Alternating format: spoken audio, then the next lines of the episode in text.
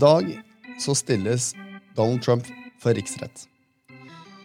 Det er faktisk tredje gang en amerikansk president er stilt for riksrett. Og spørsmålet da er er dette begynnelsen på slutten av hans presidentskap, eller er det bare en blodig nese på en bølle? Velkommen til Danskespesial, podkasten der vi dykker litt dypere ned i enkelte temaer som vi mener fortjener ekstra oppmerksomhet. Mitt navn er Fredrik Ask Stensrud, og med meg i studio så er jeg leder for Private Banking i Oslo, Anders Johansen. Velkommen. Tusen takk. Det her eh, har jeg gleda meg litt til. Jeg trenger å forstå det her bedre. Hva er det som egentlig skjer? Hva er denne riksretten, og hva er det som skjer i USA nå? Ja, det, Dette har jeg gledet meg til også. Dette har vært en fantastisk mulighet til å, å grave seg litt dypere ned i disse tingene. Eh, vi har jo laget en, eh, en, liten plan for hva vi skal snakke om, men vi får, vi får begynne litt med å si eh, hvor mange riksretter har vi hatt. da? For det er jo ikke første gang vi, vi har en riksrettssak. Eh, og så er det jo gøy da at vi måte, nå sitter vi her, Fredrik, og vi får lov til å ta del i det og være, på en måte kunne følge saken og være interessert. Fordi de andre tingene har jo vært uh, Vi var unge under Clinton. Vi, var, uh, vi levde ikke på de, andre, de før der. Så, så, dette er jo utrolig interessant om å være en del av det live. da. Ja. Men jeg håper litt, vi kan, jo, vi kan jo si at ok, det har vært, du sier det har vært to riksrettssaker tidligere. Mm. Jeg ville si at det har nesten vært tre. Han var taktisk, han sistemann. Han klarte å liksom, snike seg unna før riksretten faktisk eh, ble satt. Ja, Eller så skjønte han at han hadde en så dårlig sak at det, det er også at det var lurt å trekke seg. For det har da vært, eh, Den første var jo da mot Andrew Johnson i 1868. Han ble frikjent med en bitte liten margin. Deretter var det da en, en, sak mot Nixon i 1975. Det var jo da bestemt at det skulle bli en riksrettssak, men han trakk seg.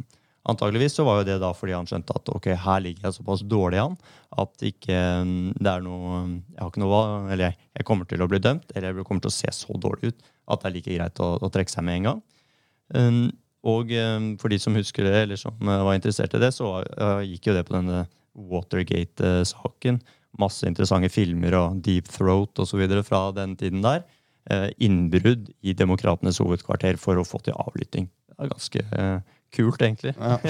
og, og, i hvert fall å skrive film om. Um, og så var den siste, da, som vi jo selvfølgelig husker, vi i hvert fall som er på 40-årene.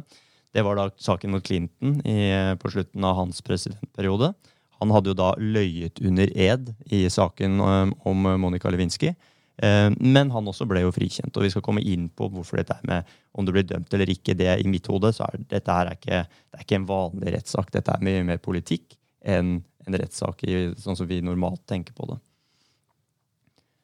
Så for å bare ta en rask oppsummering av det, da, så da har vi da hatt uh, egentlig den første, eller, uh, eller, de to første egentlig handlet jo om uh, politikk.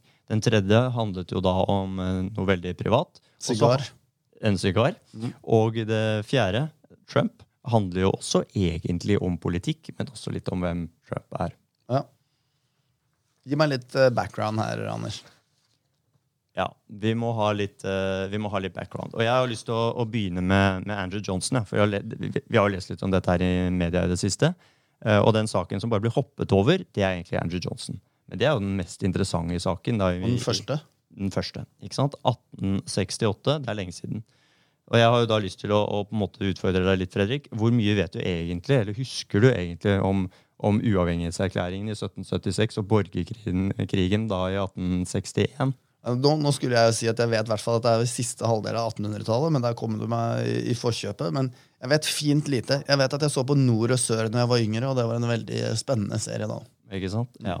Fordi eh, i 1776 da, så erklærte jo de engelske koloniene på østkysten uavhengighet fra England. Det var 13 stykker, eh, og de 13 eh, koloniene de var jo eh, De lå under England, og det var da delt mellom nord og syd.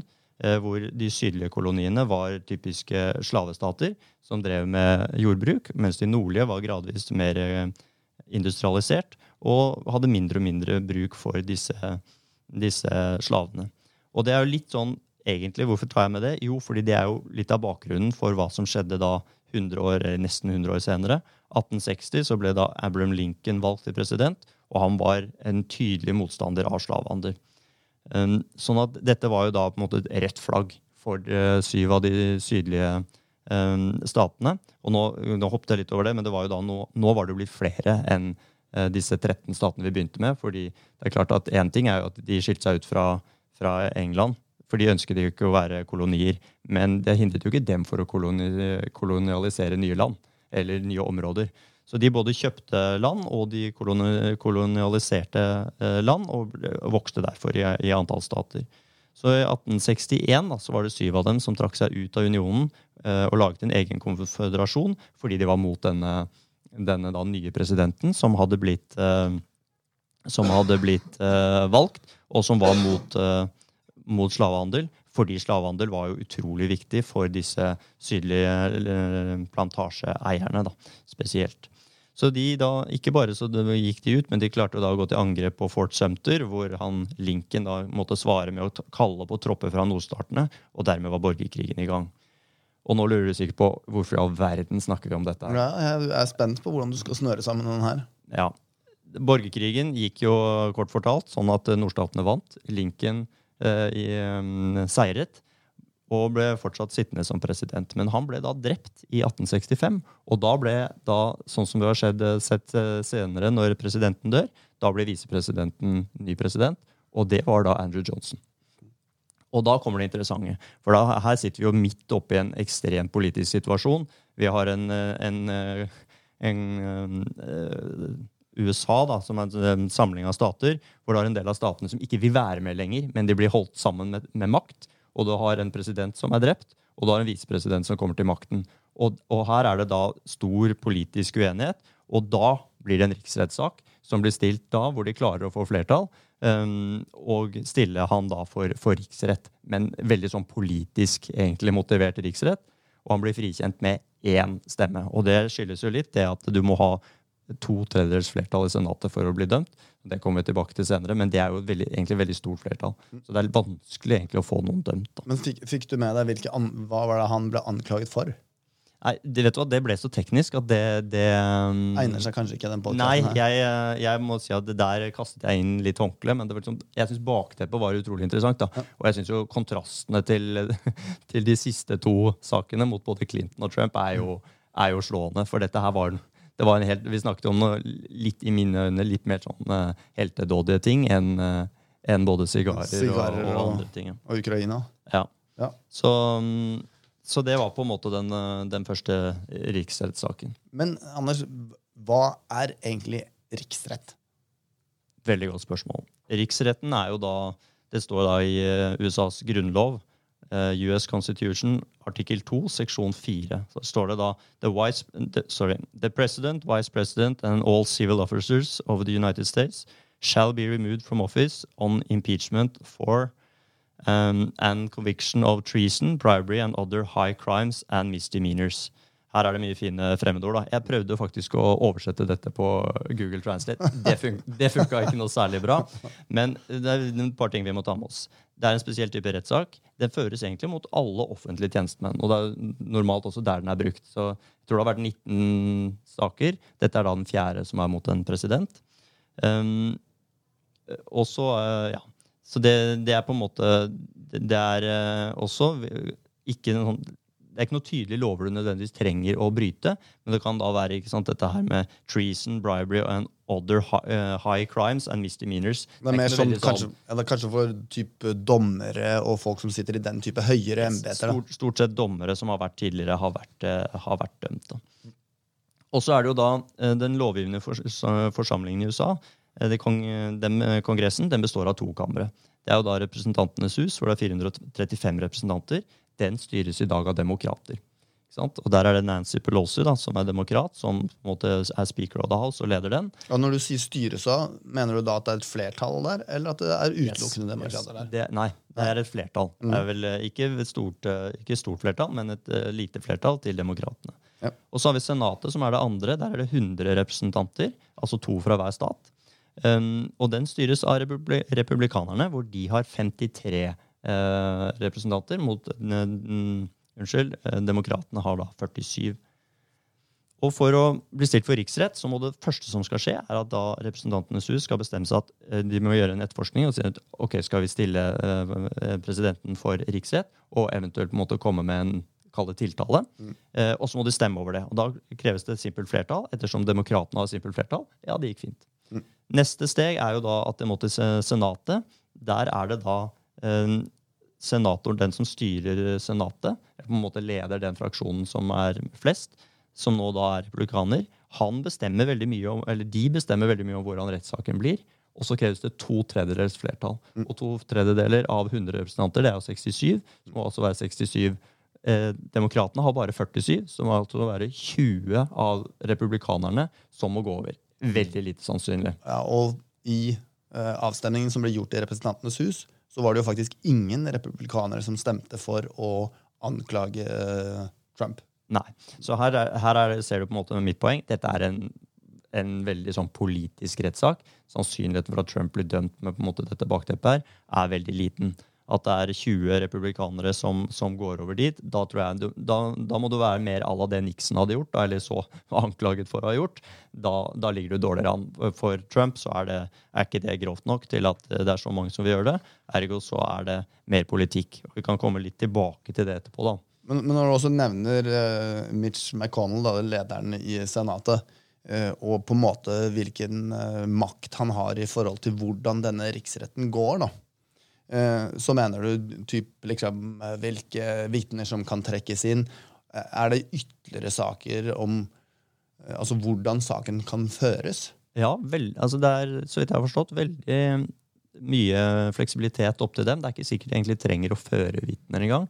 Veldig sjelden de kaller vitnene inn. Det kan ofte video, eh, video eh, hva skal vi si, eh, vitnemål. Mm. Og, eh, og, og, også veldig lite sannsynlig at presidenten blir eh, kalt inn på teppet. da. Men det her høres jo ikke veldig demokratisk ut. Nei, men det som er saken er at det er jo da Fascinerende nok. Her er det simpelt flertall i Senatet som, hvor man kan bruke. Og i og med at de er 53 eh, stykker, og det simpelt flertallet er 51, ergo så kan egentlig republikanerne bestemme det.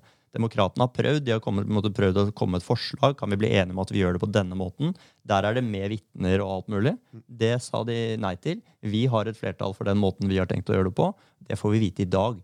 Fordi, okay, så, de, så de, er de interessante. Ok, Så de stemmer faktisk over hvordan rettssaken skal føres også? Ja, og det gjør Mitch, Mitch McConnell kommer da med et forslag i dag. på Sånn har vi tenkt å gjøre det. Og så blir det en avstemning i Senatet i dag.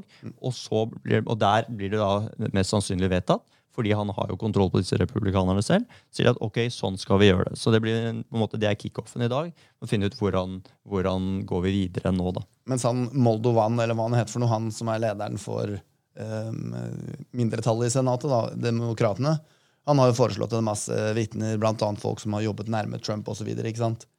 Dette får han altså, Virker det nå som han ikke kommer til å få det gjennom? Ja, jeg tror, eh, eller på meg da, jeg er ikke noen ekspert på dette heller, men det virker som at dette er jo noe demokratene prøver å få til. De vet de kommer til å tape rettssaken, men dette er jo da egentlig politikk inn mot eh, presidentvalget som er til høsten. Så de prøver å få mest mulig eh, negativ omtale om presidenten, mens republikanerne prøver å få til det motsatte. Ergo så kommer de til å legge så mye lokk på det som de klarer. Så de har sagt at de, eller sannsynligvis kommer de til å dele det i to, hvor det blir en sånn avklaring. ok, Hvilke aktører er det eh, som har vært involvert, og hvordan skal vi få høre om det? Det kan være at det bare blir en slags sånn opplesning av hvordan man oppfatter at situasjonen er, uten at det blir noen diskusjon med vitnene. Og når det da kommer til de, selve de, den vitneføringen, så har heller ikke, altså da er det jo egentlig Senatet fungerer som en jury på 100 personer. Det er de som skal uttale seg om blir, få tommel opp eller tommel ned. Og så blir det da eh, De kan ikke stille spørsmål direkte, men de kan da sende inn spørsmål skriftlig, som blir lest opp da av eh, Chief Justice John Roberts, som da jeg har tolket det som eh, på en måte høyeste rettsjustitiarius i Norge, som styrer selve rettssaken når vi er i gang på de premissene som da republikanerne sannsynligvis har bestemt. Og det er faktisk det som skjer i dag. Så Det er ikke selve riksretten kanskje egentlig som starter i dag, men det er at de bestemmer hvordan den riksretten skal føres. i dag. Og vi får også vite hvordan det går. altså hvordan, på måte, Hvor lang tid det kommer til å ta. Sannsynligvis så kommer det til å ta rundt to uker. Og vi får vite også mye mer om på måte, spillereglene eh, i, uh, i, ettermiddag. da, ja. Men for meg så høres det ut som det er ekstremt lite sannsynlig at uh, at Trump blir faktisk avsatt pga. Av det her. Og han eh, som er lederen i Senatet, har vel også uttrykt at det fins ingen sjanse for at han blir avsatt som president. Men dersom det usannsynlige skulle skje, da, hva skjer om han blir faktisk dømt i Senatet, og hva er det egentlig at han er tiltalt for? Ja, og Det er jo veldig, to veldig gode spørsmål. Hvis han, eh, hvis han blir dømt først, da, så uh, det, vi vet faktisk ikke helt hva som skjer. Jeg leste jo opp da denne, denne på en måte artikkel to, var det seksjon fire i sted, hvor det står at, uh, at det vil da skal bli removed from office. Men det er visst ikke så lett. Jeg har lest noen eksperter som på en måte er uh, eksperter på konstitusjonelle ting i, på universiteter i USA, som har sagt at jo, men det er det verste som kan skje. Kan, du, måte, hvis, blir, kan, hvis, han blir dømt, så kan han bli fratatt uh, presidentembetet. Men det er det verste. Han kan ikke få noen ny rettssak eller den type ting. For da har det på en måte gått worst case. Men det er ikke nødvendigvis gitt at det er det som skjer. Så, og, så det kan bli mindre. Så hvis han skulle bli dømt, så kan det faktisk bli en en en litt sånn uh, vanskelig situasjon. Man må, man må, gjøre en del vurderinger. Da. Og da kan det være at den konstitusjonelle domstolen i USA må inn på banen for å trekke opp de retningslinjene. Man har ikke trengt det før. Derfor så har man heller ikke gjort den jobben. Eh, I og med at Nixon da trakk seg, og vi, vi ikke fikk sett om han Men det, men det er jo ganske vilt da, at en person i, i, den posisjonen Det verste som kan skje, er at han mister jobben sin. Tatt i betraktning hva han da er anklages for. da. Og bakgrunnen som ligger bak det, det er jo såpass brutale saker at det er jo utrolig at han mister jobben er liksom ytterste konsekvens. Ja, og det, og det kan jo være at liksom, du, du, kan jo faktisk bli stilt for riksrett flere ganger hvis, du, hvis de finner nye ting så kan de kjøre en ny riksrettssak og en ny runde. Men dette her tror jeg du må se på som dette er politikk. Jeg tror um, demokratene har tenkt som så at ok, nå har vi nok, vi har fått det igjennom. Uh, nå får vi forhåpentligvis en del uh, negative ting på han. Uh, og så må det også tolkes opp mot det, og det er jo det når det blir interessant. Vi så jo også dette drapet på, på Soleimani i Iran for et par uker siden. Det også er jo kanskje en del av dette spillet. Ikke sant? For vi vet jo det, hvis du skal uh, få til en, en, ytre fiende, er ofte en god måte å samle folket på, og også få, få på en måte frem de mer ekstreme tingene. Altså, Presidenten i USA har jo aldri vært så populære som rett etter de gikk til den første Irak-krigen, andre Irak-krigen, eh, og så uh, også nye eh, kriger i Afghanistan osv. Gjorde vel egentlig Clinton under sin riksrett uh, også. Han uh, gjorde enkelte militære handlinger. De sier jo i Amerika at um, i USA da, at uh, politikken stopper ved kystlinjen. Og det har kanskje noe med det at man prøver å på en måte skape seg en positiv effekt blant folket ved, ved krigshandlinger. Det er jo i seg selv ganske crazy. Men nå, nå, vet vi jo, nå har du fortalt meg litt Anders, om hva er det som faktisk skjer. Ok, Det stemmes først i Representantenes hus. og Derfra går det videre til Senatet. I Senatet så kreves det to tredjedels flertall for å faktisk få han dømt. Nå må vi ta to steg tilbake her, og så må vi finne ut hva er det han egentlig er anklaget for, og hva er bakgrunnen for at det her har skjedd i det hele tatt. Ja, og det, det er jeg helt enig i. Det må vi gjøre. Um, etterforskningen da, startet 24.9. Uh, da hadde man funnet uh, grunn til, og, eller nok beviser for, at det var greit å gjøre det. Og det var, det var jo da en sånn en whistleblower som hadde kommet med informasjon fra etterretningstjenesten om at da Trump hadde Eh, gjort ting han ikke burde gjort og sagt osv. med da eh, president Zelinskyj i Ukraina.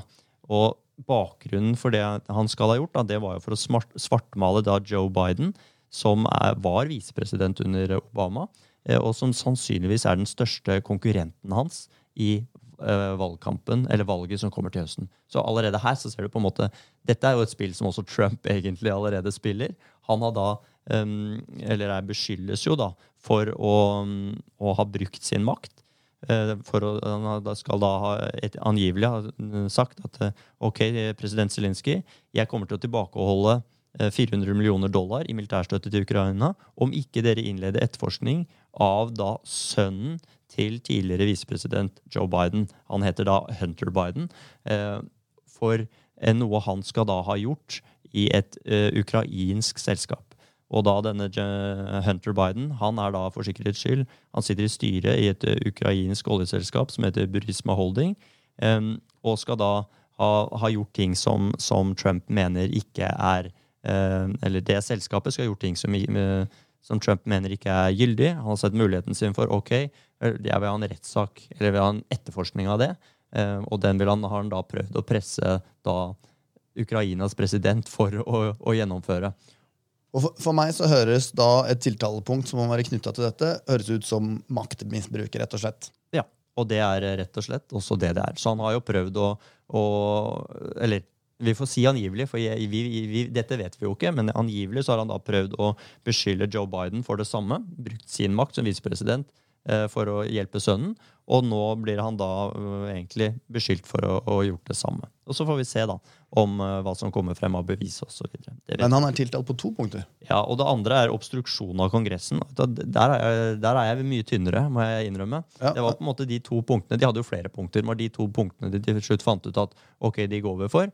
Uh, men, men hva den obstruksjonen ligger i, det er jeg litt usikker på. Men antageligvis så har det jo da noe med noe sammenheng med den første saken. Ja, det er helt klart sammenheng med første saken. Det var ikke så lett faktisk å grave fram eh, detaljert informasjon på det, men poenget er i hvert fall at det later til at han rett og slett anklages for å prøve å stoppe etterforskningen av sin egen sak. da.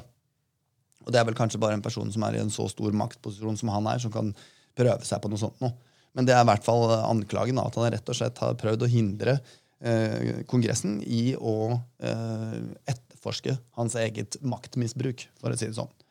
Men ok, hva, hva er det som skjer videre nå, Anders? Jo, nå er jo da saken egentlig sendt fra eh, Representantenes hus i slutten av forrige uke til Senatet i dag. De hadde fri i går, så det, det begynner i dag. Der vil de da først ta opp denne diskusjonen som vi hadde i sted. Hvordan skal saken føres?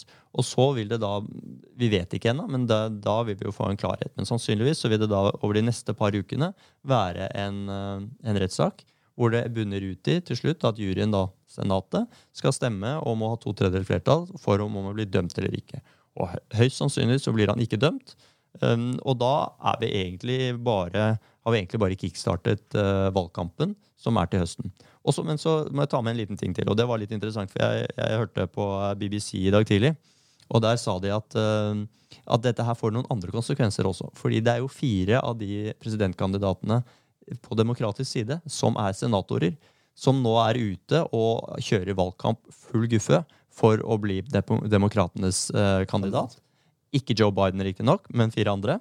Eh, og de er jo da De blir jo nå kalt inn for å være med på denne rettssaken. Så de må jo slutte med, paradoksalt nå, slutte i to uker med å drive valgkamp for å være med i, jury, i jury, sin juryplikt i Senatet i denne, i denne, rettssaken. Mens da Joe Biden kan fortsette sin eh, valgkamp uh, uavbrutt. Da. Så det ja. er liksom noe av paradokset oppi denne situasjonen. Ja, nei, det, jeg, blir, jeg blir bekymra, for å være helt ærlig. Det vil, I hvert fall nå da, hvor du vet at sannsynligheten for at de eh, blir dømt, er så liten så kan man jo tenke litt det her går fint an for noen smarte politiske hoder å vri til noe konstruktivt for Trump også. da.